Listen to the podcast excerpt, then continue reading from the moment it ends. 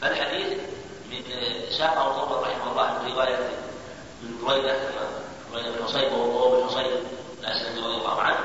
وساق سنده عن المقرب ولم يسلم لفظه والله أعلم. نعم.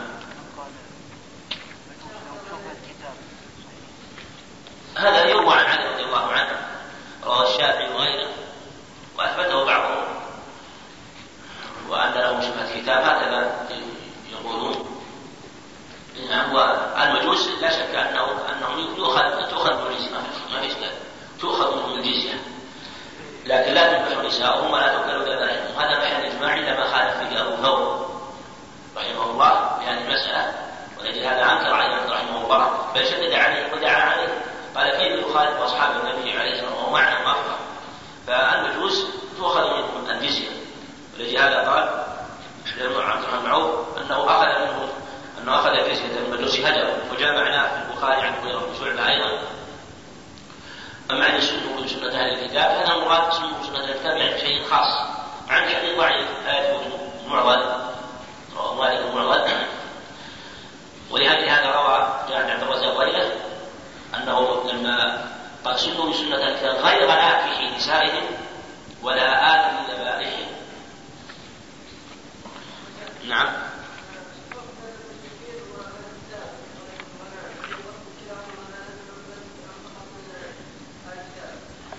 الجزء يعني في خلاف ما تعرضنا في خلاف كثير بين العلم. اما أما البر والاوفى كانوا كتاب. أهل الكتاب عندهم شرك لكن شرك مقيد ولهذا ميز الله أهل المشركين. كتاب آيات كثيرة كقوله تعالى إن الذين كفروا من أهل الكتاب والمشركين أما هم عندهم شرك ولهذا قال عمر. ليس يعني ليس شرك أعظم أن تقول إن ربها عيسى. إن ربها عيسى وأن هذا من أعظم الشرك لكن لكن المراد أن أصل دينهم أن أصل دينهم التوحيد والإيمان. هذا هذا هو أصل دينهم. ودخل عليهم الشرك. بخلاف غيره من عبدة الأوثان وعبدة النيران وعبدة الصلبان وعبدة عبدة الأوثان وعبدة النيران فإنه ليس أصل دينهم التوحيد. ليس أصل دينهم التوحيد إلا ما قيل من المسلم عندهم شبهة كتاب وما الله.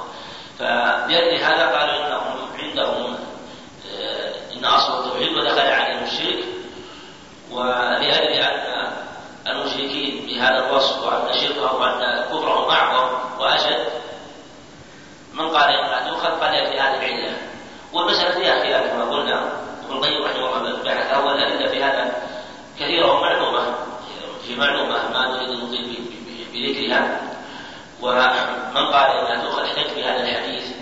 احتج بهذا الحديث وأن في عموم المشركين. وقال إن آية الجزية التي نزلت وإن كان هو عليه السلام يأخذ المشركين لكن لأن الجزية ما نزلت في عام تسع سنة في عام تبوك وقد أسلم عامة المشركين ودخل اليهود واليهود واليهود قد عاهدهم عليه الصلاة والسلام ولم يأخذوا شيء لأنه قد عاهدهم قبل ذلك ثم أخذ الجزية من من كان موجودا من أهل الكتاب في ذلك الوقت. باب ما جاء في الإقسام على الله.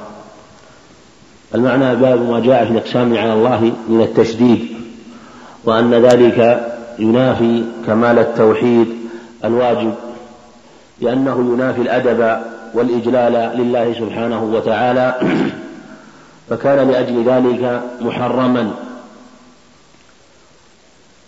وذكر المصنف رحمه الله الحديث الدال على هذا المعنى وذلك أن الإقسام على الله إذا كان على هذه الجهة وعلى هذا الوصف فإنه لا يجوز. والإقسام مصدر أقسم يقسم إقساما إذا حلف.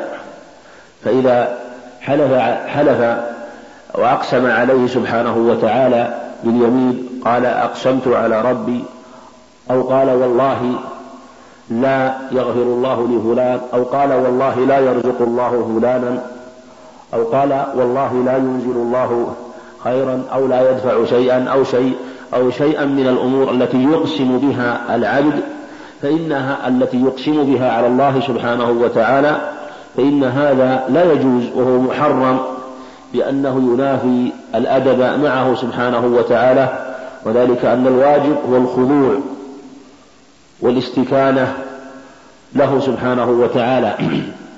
لا الإدلال عليه فالإدلال يكون بين المخلوقين. أنفسهم والحلف بعضهم على بعض فيحلف الرجل على صديقه ويحلف الرجل على زوجته وعلى ابنه وعلى أصحابه. وما أشبه ذلك. أما الإقسام على الله فإن هذا لا يجوز.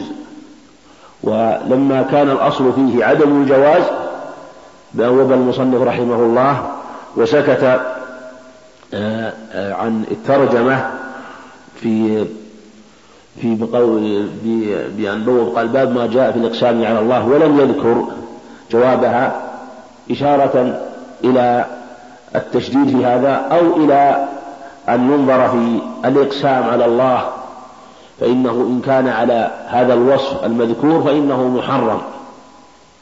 وقد يكون جائزا لكن في حال خاصة قد يكون جائزا لكن في حال خاصة بأناس مخصوصين في حال خاصة بأناس مخصوصين. والحال التي أشرنا إليها هي ما أشار المصنف رحمه الله في حديث جندل ابن عبد الله رضي الله عنه. قال قال رسول الله صلى الله عليه وسلم قال رجل يعني في من سبق والله لا يغفر الله لفلان. كأنه رآه على ذنب عظيم. واستبشع ذنبه واشتد عليه هذا الذنب فقال ما قال ونسي عفو الله ورحمته ومغفرته وأن رحمته وسعت كل شيء فكان هذا سوء ظن وسوء أدب به سبحانه وتعالى. ولذلك قال والله لا يغفر الله لفلان فقال الله عز وجل من ذا الذي يتألى علي؟ يظهر الله أعلم أن هذا يقوله سبحانه وتعالى يوم القيامة إذا بعثهما وجاء يوم القيامة وحضر وحضر في ذلك الموقف العظيم ينكر سبحانه وتعالى على على هذا القائل وهذا المتألي من ذا الذي يتألى علي يعني من ذا الذي يحلف ويقطع بالقسم واليمين من ذا الذي يتألى علي ألا أغفر لفلان يعني لفلان من الناس أو لفلان لهذا الشخص الذي حلفت عليه حلفت وقلت والله لا يغفر الله لفلان. من ذا الذي؟ من هذا الشخص وهذا الإنسان الذي يتألى عليه سبحانه وتعالى. إني قد غفرت له. إني قد غفرت له وأحبطت عملك. وذلك أنه تكلم بكلام عظيم أوجب إحباط العمل. وهذا الحديث الذي رواه مسلم له شاهد كما ذكر مصنف رحمه الله واختصره من حديث أبي هريرة ولذلك قال وفي حديث أبي هريرة أن القائل رجل عابد ومع هذا لم تنفعه عبادته هذه. قال أبو هريرة قال كلمة أو أوبقت دنياه وآخرته أو تكلم بكلمة أوبقت دنياه وآخرته فهذا الرجل رجل عابد لله سبحانه وتعالى. لكن هذه الكلمة أوبقت دنياه وآخرة لأنه تكلم بكلام عظيم. كلام لا يجوز أن يقال. وكان هذا في عبادته التي في عبادته ليس على علم وليس على بصيرة فقال ما قال.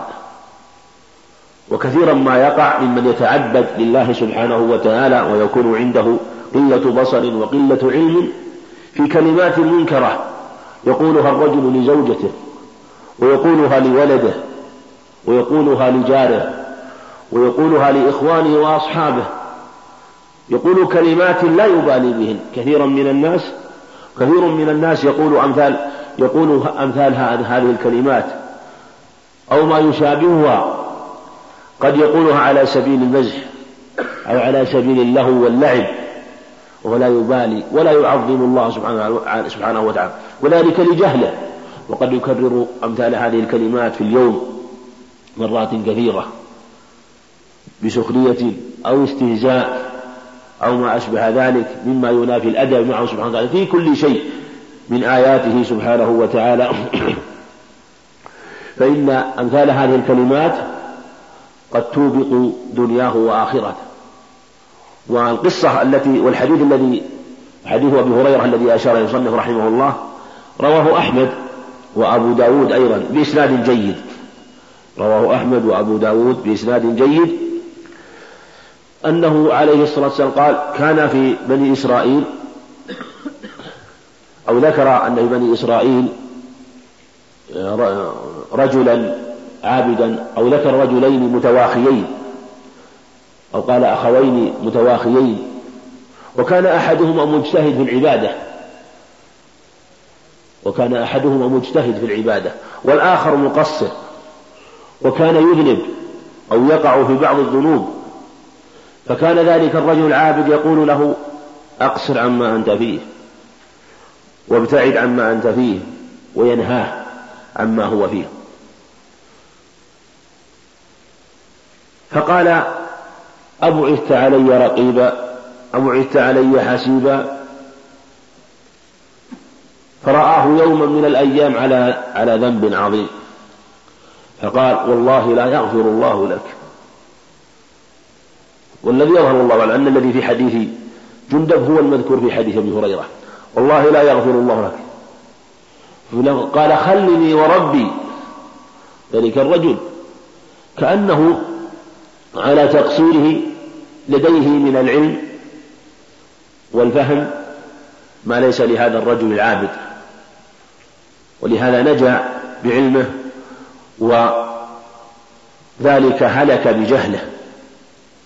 فقال فقال الله سبحانه وتعالى لهما قال من ذا الذي يتألى علي؟ أو قال أين ذلك الرجل يتألى علي؟ ثم قال إني قد غفرت له وأحبطت عملك. نحو من حديث ذكر نحو من حديث جندب, جندب هذا رضي الله عن الجميع. في هذا في هذه في هذين الخبرين أن الإقسام عليه سبحانه وتعالى على هذا الوصف لا يجوز. وقد أشرنا إلى شيء من هذا فيما من سبق. عند قوله عليه الصلاة والسلام من سأل بالله فأعطوه. وأشرنا إلى مسألة الإقسام على الله. والإقسام على الله على ما جاء في هذه الأخبار لا يجوز إذا كان على هذه الجهة وهذا الوصف فإنه لا يجوز وهو محرم. ويمكن أن يقس أن يكون الإقسام على الله على ثلاثة أنواع. الأول إقسام بمعنى الحجر والمنع على الله سبحانه وتعالى. يقسم على الله بمعنى أن يقطع ويحجر عليه سبحانه وتعالى بوقوع ذلك الشيء. فيقول والله لا لا يغفر الله لفلان والله لا يعطي الله فلانا خيرا. والله لا يرحم الله فلانا. والله لا يفعل الله كذا. على جهة الحجر والمنع. فكأنه يأمر الله سبحانه وتعالى وكأنه يتصرف في عباد الله بأمره هو منعا وحجر عليه سبحانه وتعالى. ولا شك أن من قاله على هذه الجهة وعلى هذا الاعتقاد فهو ردة وكفر. ردة وكفر. ويمكن وقول أبي هريرة آه، ولا ولا ولا ولا وما جاء عن أبي هريرة قال اوبقت دنياه واخرته يدخل في هذا الصنف يدخل فيه هذا الصنف لأنه إذا عمل هذا حبطت حبط إذا حبط عمله حبط عمله إلا أن يتوب. هذا محل خلاف. هل إذا تاب أو هل هل حبوط العمل بمجرد الردة أو بالموت عليها؟ محل خلاف. فالمقصود هذا النوع الأول. هذا النوع الأول. النوع الثاني من الإقسام على الله أن يقسم على الله من باب الإعجاب والفخر بنفسه. يرى نفسه عابدا ويرى نفسه مجتهدا في العبادة ويرى لنفسه آه، ويرى أنه أهل لمثل هذا الأمر. فيقسم على الله في أشياء ويحلف على الله في أشياء. والله يفعل الله كذا والله ينزل الله كذا والله يقع كذا والله لا يفعل الله لا يفعل الله كذا. على سبيل الإعجاب والفخر. لا على سبيل القطع بذلك لكن هو يظن أن الله سبحانه وتعالى يصدقه ويوقع ما أقسم به لأنه أهل لذلك عجبا وفخرا بنفسه. عجبا وفخرا بنفسه وبعبادته. فإن هذا أمر لا فإن هذا محرم. هذا محرم وعليه آه، حديث جندب هذا وحديث أبي هريرة في ذلك الرجل الذي قال مثل هذا إعجابا بنفسه واستحقارا لغيره من عباد الله ممن وقع في ذنوب فهذا الرجل لأجل غروره ولأجل احتقاره لغيره وانخداعه بعبادته قال مثل هذا. قال مثل هذا. ف فهذا النوع محرم ولا يجوز. النوع الثالث من الإقسام إذا قاله من باب حسن الظن بالله سبحانه وتعالى. وحسن الرجاء فيه سبحانه وتعالى. مع ذم نفسه واحتقاره لنفسه. لكنه يقسم عليه سبحانه وتعالى من باب حسن الظن في محل حاجته إلى مثل هذا. إذا نزلت به بلية أو مصيبة أو احتاج إلى مثل هذا إلى مثل الإقسام فيقسم عليه سبحانه وتعالى حسن ظن بالله سبحانه وتعالى وأن الله ينصر عباده وأن الله يجيبه في محل الشدائد والكرب فلأجل هذا قد يقسم ويعلم أنه ليس أهلا لمثل هذا وأن الله سبحانه هو هو المالك وهو المتصرف لكن قاله من باب حسن الظن وحسن الرجاء بأن الله يفعل ذلك لا على سبيل الفخر والظن ولا والعجب ولا على سبيل القطع بل هو مع ذلك يذم نفسه ويحتقرها وأن الله لو لم يوقع ما أقسم عليه فإنه على ما هو عليه بل لا يزداد إلا عبادة وطاعة وذما لنفسه واحتقارا لها. فهذا النوع الثالث من الإقسام هو الذي جاءت فيه الأخبار في الإقسام على الله في بعض الأحوال. وهو الذي جاءت فيه الأخبار في الإقسام على الله في مثل قوله عليه الصلاة والسلام ألا أخبركم بأهل الجنة؟ كل ضعيف متضاعف أو متضاعف على روايتين. كل ضعيف متضاعف لو أقسم على الله لأبره وفي لفظ وهذا حديث البخاري. وفي لفظ عند الترمذي رب أشعث أغبر مدفوع بالأبواب لو أقسم على الله على الله لبره. في لفظ أشعث أغبر ذي طباين لو أقسم على الله لبره. وذكر أن منهم البراء أن منهم البراء بن مالك. فهذا آه، هو من الصنف الثالث الذين يقسمون على الله. ومنه أيضا ما جاء في حديث في حديث أنس بن مالك في الصحيحين أن الربيع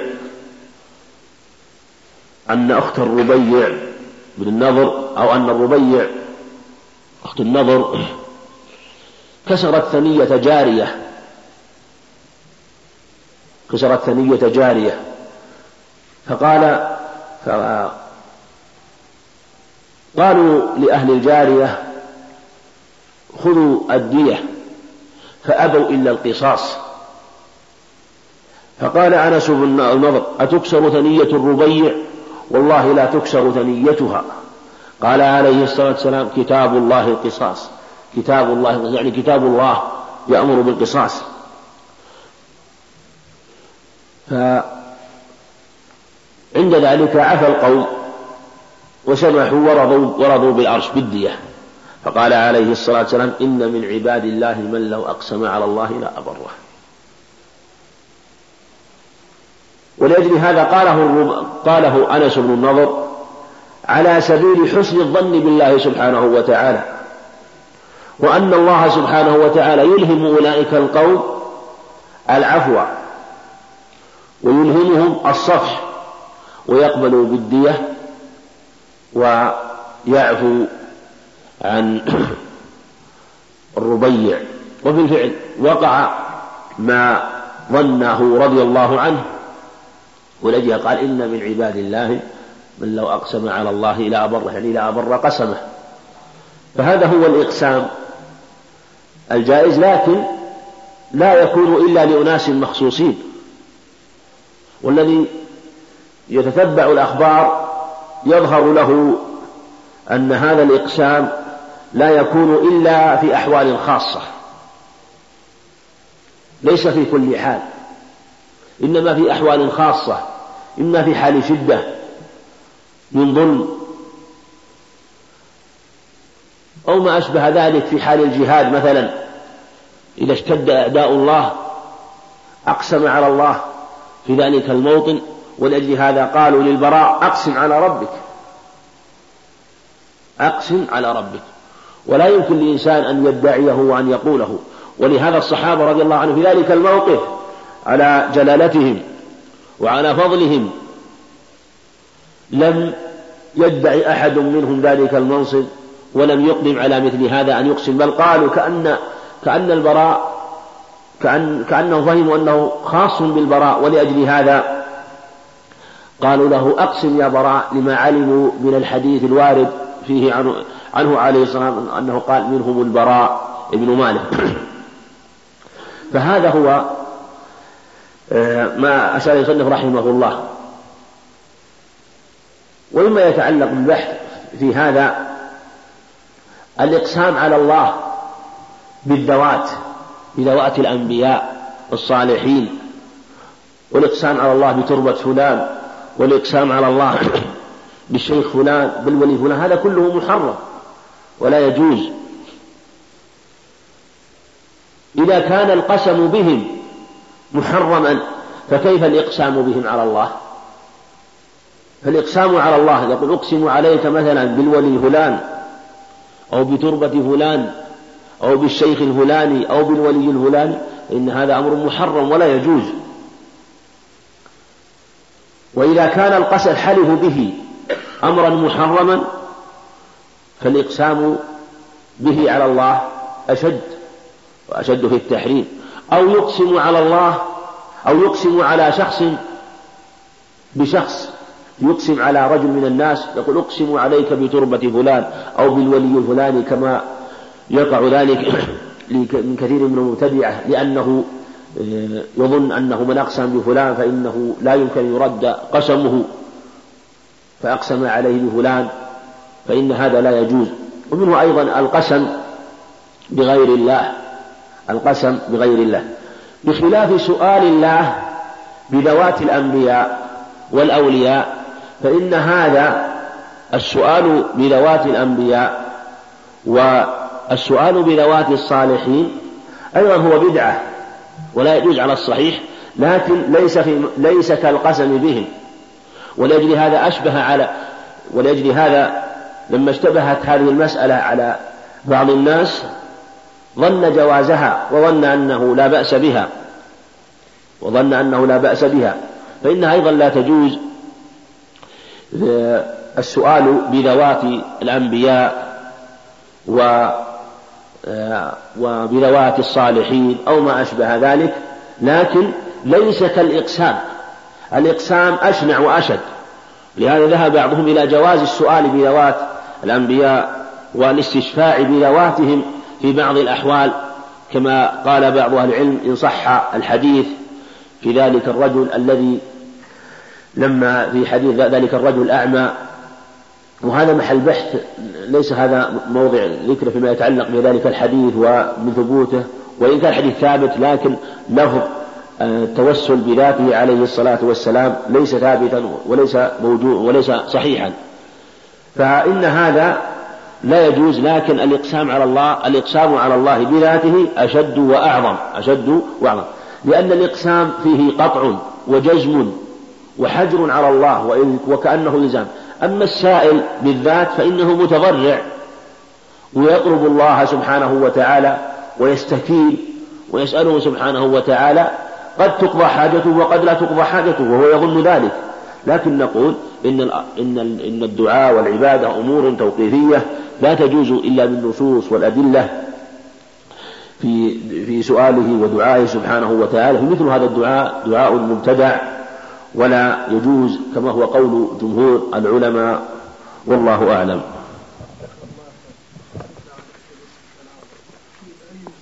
نعم.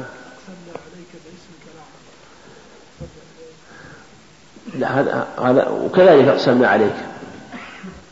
المشروع أن تقسم به سبحانه وتعالى. ما تقسم عليه بأي شيء أن تقسم به سبحانه وتعالى.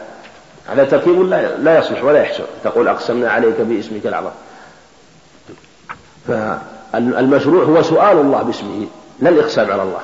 ولأجل هذا من سأل به أعطي ومن دعا ومن دعا به أجاب. هذا هو المشروع. أما الإقسام على الله به فلا. بل لا يجوز الإقسام على الله بأي شيء.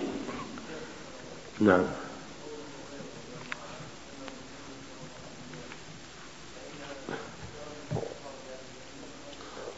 الله أعلم يعني هذا. لكن كأنه الله أعلم يعني أنه لما أنه الحديث في هذا في في من سبق وليس في الحديث أنه كفر أو أنه كفر بهذه الكلمة وهذا في من سبق وكان وكان التشديد عندهم في كثير من الأمور معلوم وواضح. وقد يكون أنه كان من شرعهم أن من فعل هذا يكون كافرا وأن أبا هريرة فهم, فهم ذلك. والحديث ظاهر قد يعضده أن الله قال أحبطت عملك والإحباط لا يكون إلا ببطلان العمل ولا يكون إلا بالكفر. وقد يكون إحباط عمله بشيء خاص ودخوله النار دخول خاص ثم خروجه بعد ذلك. ولا ينافي أن كونه قال أوبق الدنيا لأنه في الحقيقة من فعل هذا فقد هلك. من فعل هذا فقد هلك إلا أن يمنح إلا أن يمن الله عليه سبحانه وتعالى بتوبة. فكذلك كما أن وقع في المعاصي فإنه يكون هالكا ومتعرضا للهلاك. فكذلك ذلك الشخص. نعم.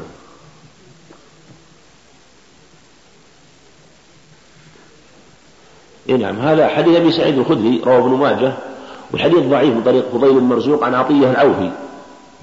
أسألك بحق السائل عليكم بحق من شاء هذا لم يخرج بطرا ولا رياء ولا سمعة إنما خرج ابتغاء سخطك وابتغاء مرضاتك. الحديث إلا شيء وسبعون ألف ملك. فالحديث لا يصح, لا يصح.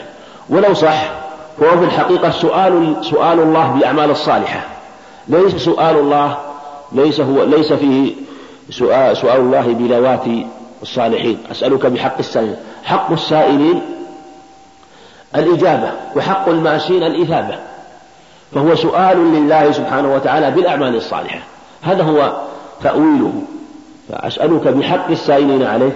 السائل حقه الإجابة. وبحق الممساي هذا. والماشي حقه الإثابة. وهو يسأل الله سبحانه وتعالى بالأعمال الصالحة. فهو من جنس حديث ابن عمر الصحيحين في الثلاثة. الذين سألوا الله سبحانه وتعالى بأعمالهم الصالحة. ذاك سأل الله ببره لوالديه والثاني سأل الله بعفته عن الحرام والثالث سأل الله سبحانه وتعالى برده الأمانة في ذلك الأجير الذي استأجره فسألوا الله سبحانه وتعالى بأعمال صالحة. فهذا من جنس هذا إذا وسؤال الله بالأعمال الصالحة أمر مطلوب ومشروع.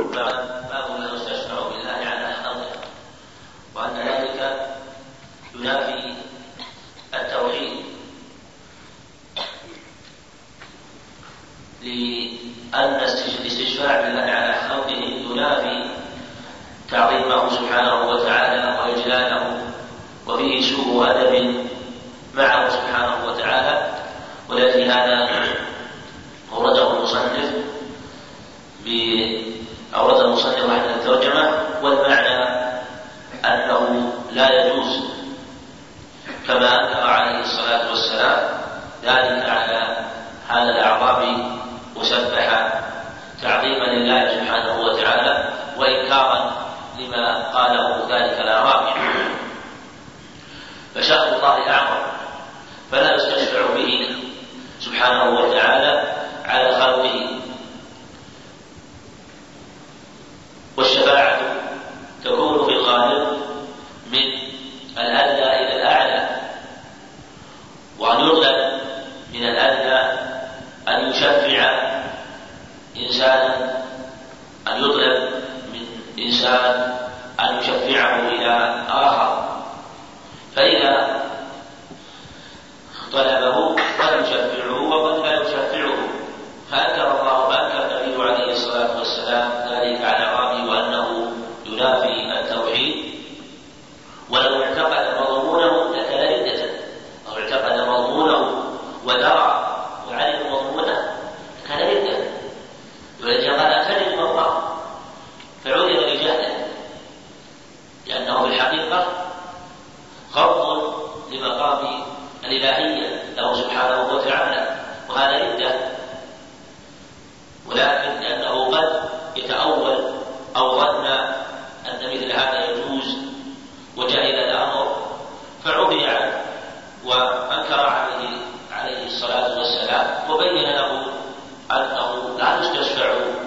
سبحانه وتعالى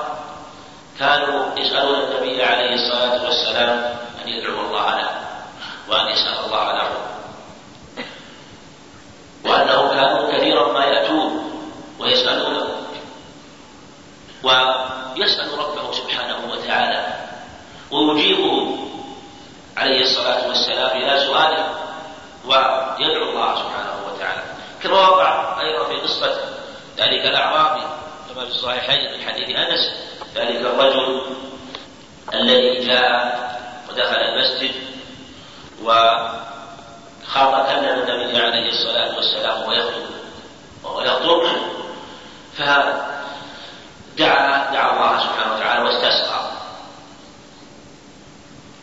وغالب استسقاء عليه الصلاة والسلام الغالب أنه يكون عن سؤال وأنه يطلب عليه الصلاة والسلام. هذا غالب ما جاء في الأخبار أنه كان يطلب عليه الصلاة والسلام ويسأل أن يستسقي الله. فإذا سألوه أجابهم إلى خدمتهم تلك ودعا الله سبحانه وتعالى. فقال فقال يا رسول الله نهبت الأنفس. يعني أصاب الضعف والشدة من قلة الوضع والغير ونقص الرياح وهلكة الأموال. توسل بأمر مثله يجاب إليه. فإذا هلكت الأرض. فإذا نهكت الأنفس أصابها الشدة والضعف وهلكت الأموال كانوا في حال شديدة. فيكونون يكون الاستسقاء بحقهم أو طلب السقيا بحقهم أمرا مستحبا وأمرا مطلوبا. فاستسقي لنا ربك. يعني اسأله سبحانه وتعالى أن يسقينا وأن ينزل علينا غيثا. فإنا نستشفع بالله عليك. نستشفع بالله عليه يعني نجعل الله شفيعا إليه.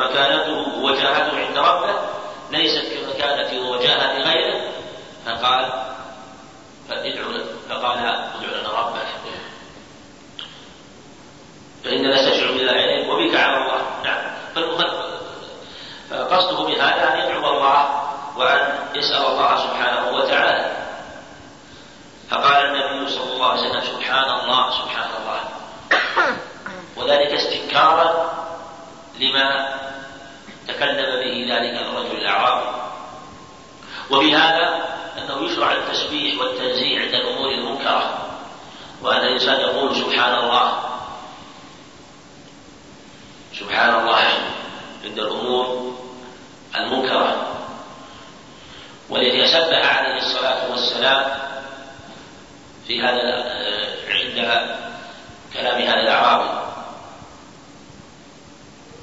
واشتد عليه كلامه حتى أثر ذلك فيه عليه الصلاة والسلام. وتغير وجهه وظهر عليه علامات الإنكار. وفي هذا أن الإنسان إذا أنكر بقلبه في الغالب أنه يتمعر وجهه ويتغير ويظهر ذلك على يظهر أثر ذلك على وجهه. لأنه إذا تغير وتأثر بقلبه صار أثر ذلك أثر ذلك باديا على وجهه غضبا. وحمية أن تنتهك تنتهك حرماته سبحانه وتعالى. فلأجل هذا سبح عليه الصلاة والسلام. فما زال يسبح. وعلى هذا أنه سبح كثيرا عليه الصلاة والسلام. لأن في مثل هذا يستتبع العذاب ويستتبع البلاء والشر. حتى عرف ذلك في وجوه أصحابه. حتى حتى إنه اشتد ذلك ليس عليه عليه الصلاة والسلام بل أصحابه رضي الله عنهم اشتد عليهم ما وقع به عليه الصلاة والسلام. وتأثروا من شدة ما وقع به من ذلك الأمر لأنه سمع كلام لا يليق به سبحانه وتعالى ولا يجوز أن ينسب إليه ولا يجوز أن يخبر به عن الله سبحانه وتعالى بمثل هذا الكلام. فلأجل هذا عرف ذلك من وجوه أصحابه رضي الله عنهم. وأنهم يعني حصل لهم عطف وحلو عليه عليه الصلاة والسلام بشدة ما أصابه. ثم قال النبي صلى الله عليه وسلم ويحك.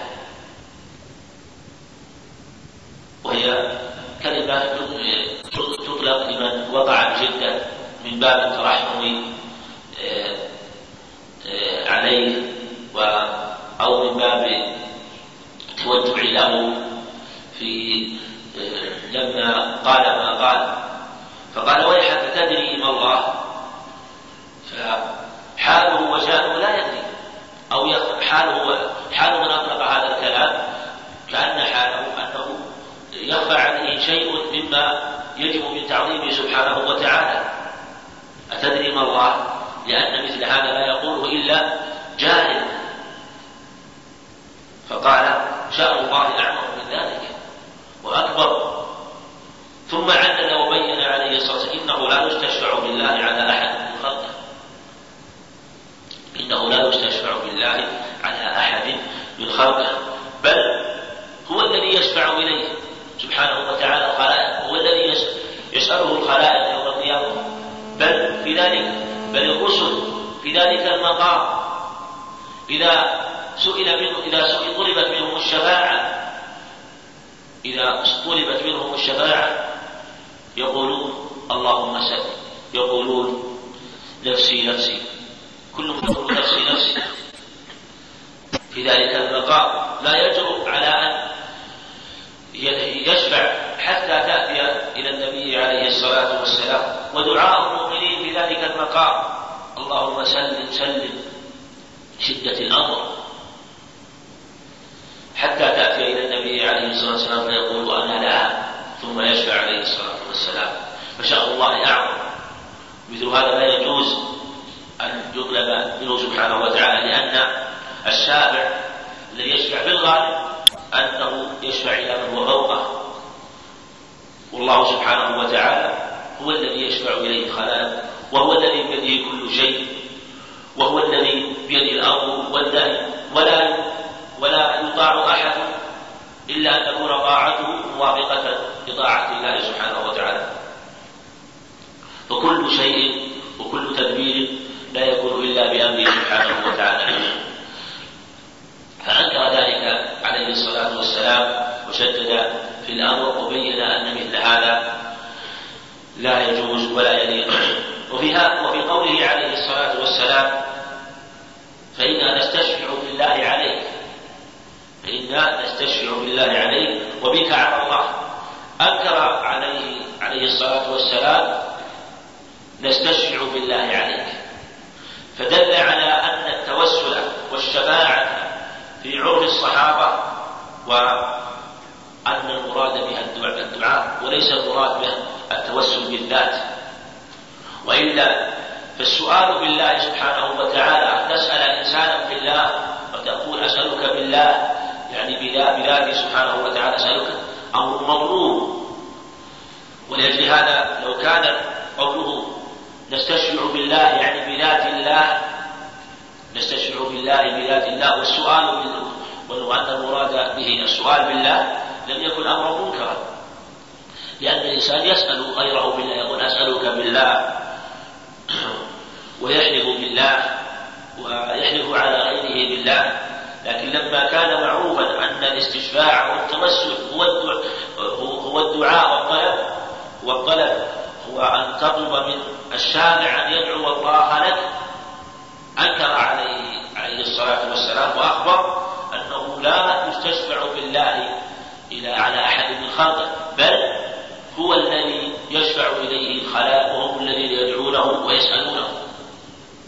وذلك أنه أنه تبس على بعض الناس وقالوا إن التوسل يراد به التوسل بالذات فأجازوا التوسل بذاته عليه الصلاة والسلام وقالوا إن الحديث الوارد في هذا الباب في حديث ذلك الرجل الأعمى كان توسلا بذاته وأنه يجوز التوسل بذاته بعد وفاته عليه الصلاة والسلام وفي حياته غائبا يجوز وهو حق. قالوا يجوز التوسل بذاته حاضرا وغائبا وميتا عليه عليه الصلاة والسلام بعد وفاته. ولأنه واحتجوا بذلك الحديث. وهذا كله باطل عند أهل وبينوا ضعفهم وأن التوسل لا يكون إلا بالدعاء.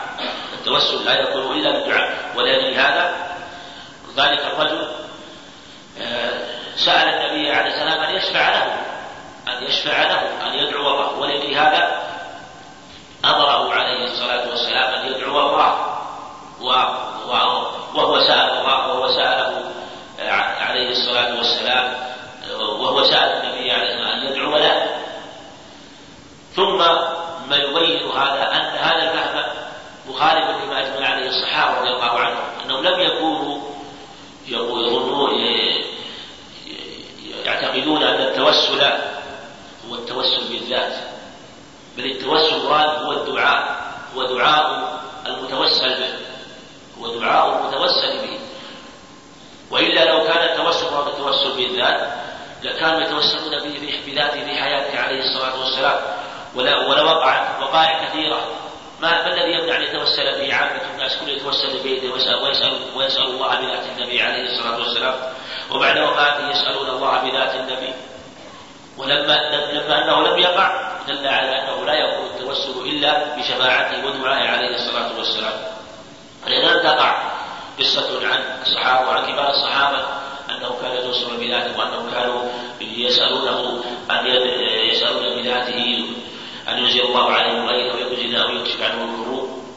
ووقع في صحيح البخاري أنه أن عمر الخطاب رضي الله عنه توسل بالعباس ثم قال اللهم إنا كنا نتوسل إليك بنبينا وإن نتوسل فتسقينا وإنا نتوسل إليك بعم نبينا فأسقنا توسل يعني ثم قال ادعو الله يا عباس فلو كان التوسل التوسل بذاته لكان التوسل بذات النبي عليه الصلاة والسلام أولى وأفضل وأكمل من التوسل بالعباس.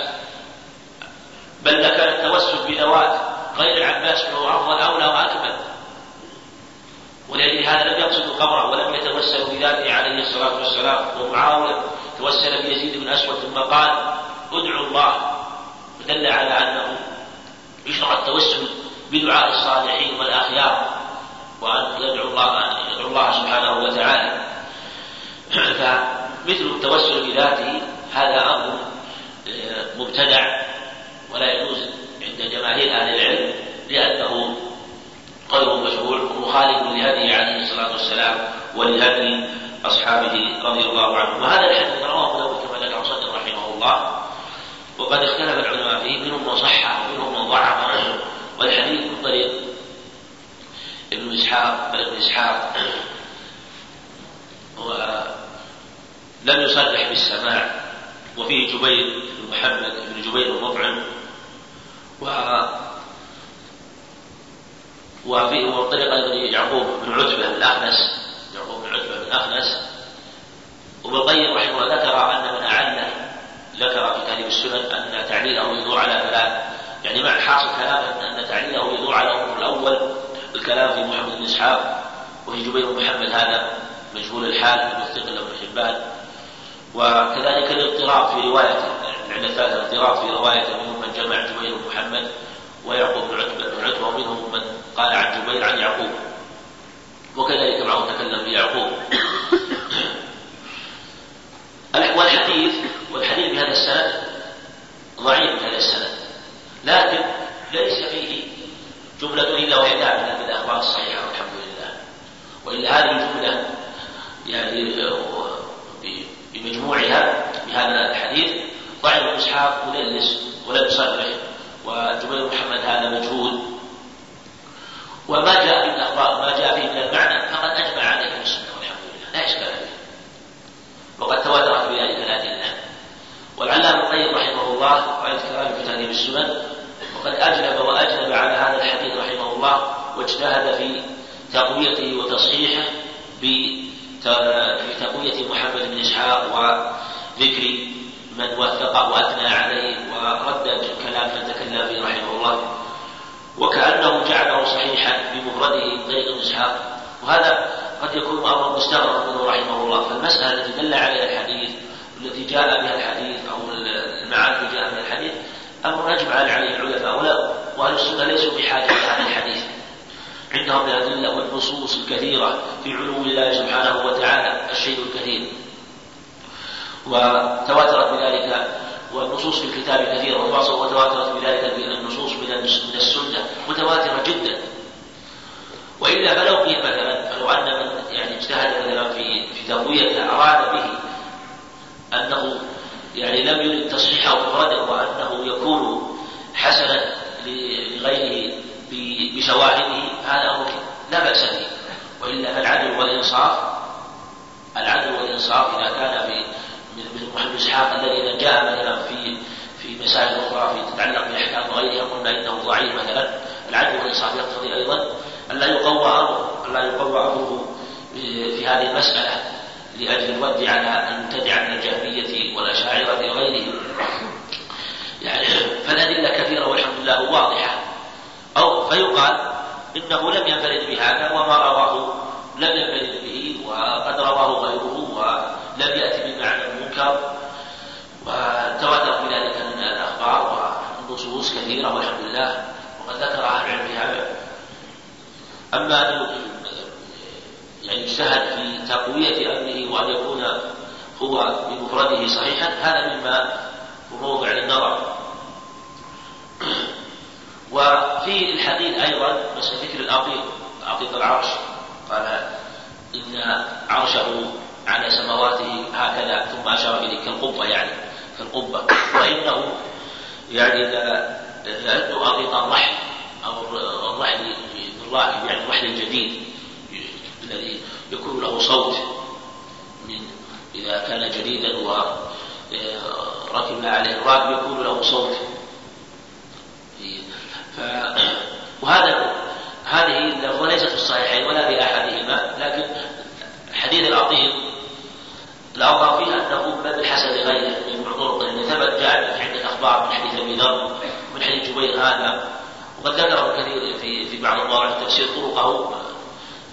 سردها رحمه الله في أحد المواضع يعني من بحث عنها وجدها في تفسير ابن كثير وذكر عدة أخبار في هذا نحو فيما مرتبط أربعة أحاديث وقال طرقها ضعيف لكن مجموعة يكون باب الحسن لغيره فالأطير حديث الأطير مجموع طرقه يكون باب الحسن لغيره ولا إنكار فيه ولا غرابة فيه الحمد لله. فالمقصود أن المعاني التي جاء التي جاء بهذا الخبر معاني واضحة. منها ما هو متفق عليه بين السنة والحمد لله ولا يعني يحتاج إلى يعني تشدد في تقوية الرواة فهذه الأمور كما قلنا دلت عليها النصوص في هذا الباب والله أعلم. باب ما جاء في رواية النبي صلى الله عليه وسلم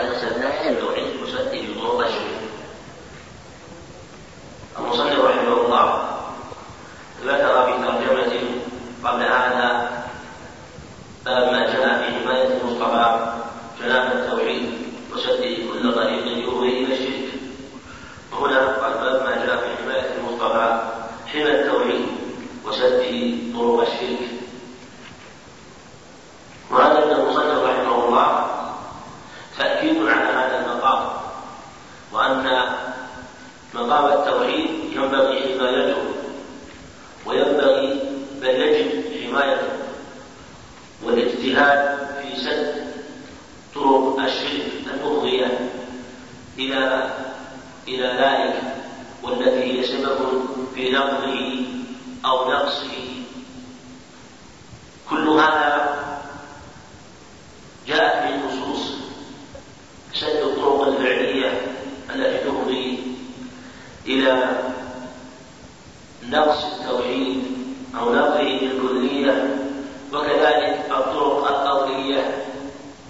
وكذلك الاعتقادات والإرادات المتعلقة بالقلوب. فالشارع الحكيم جاء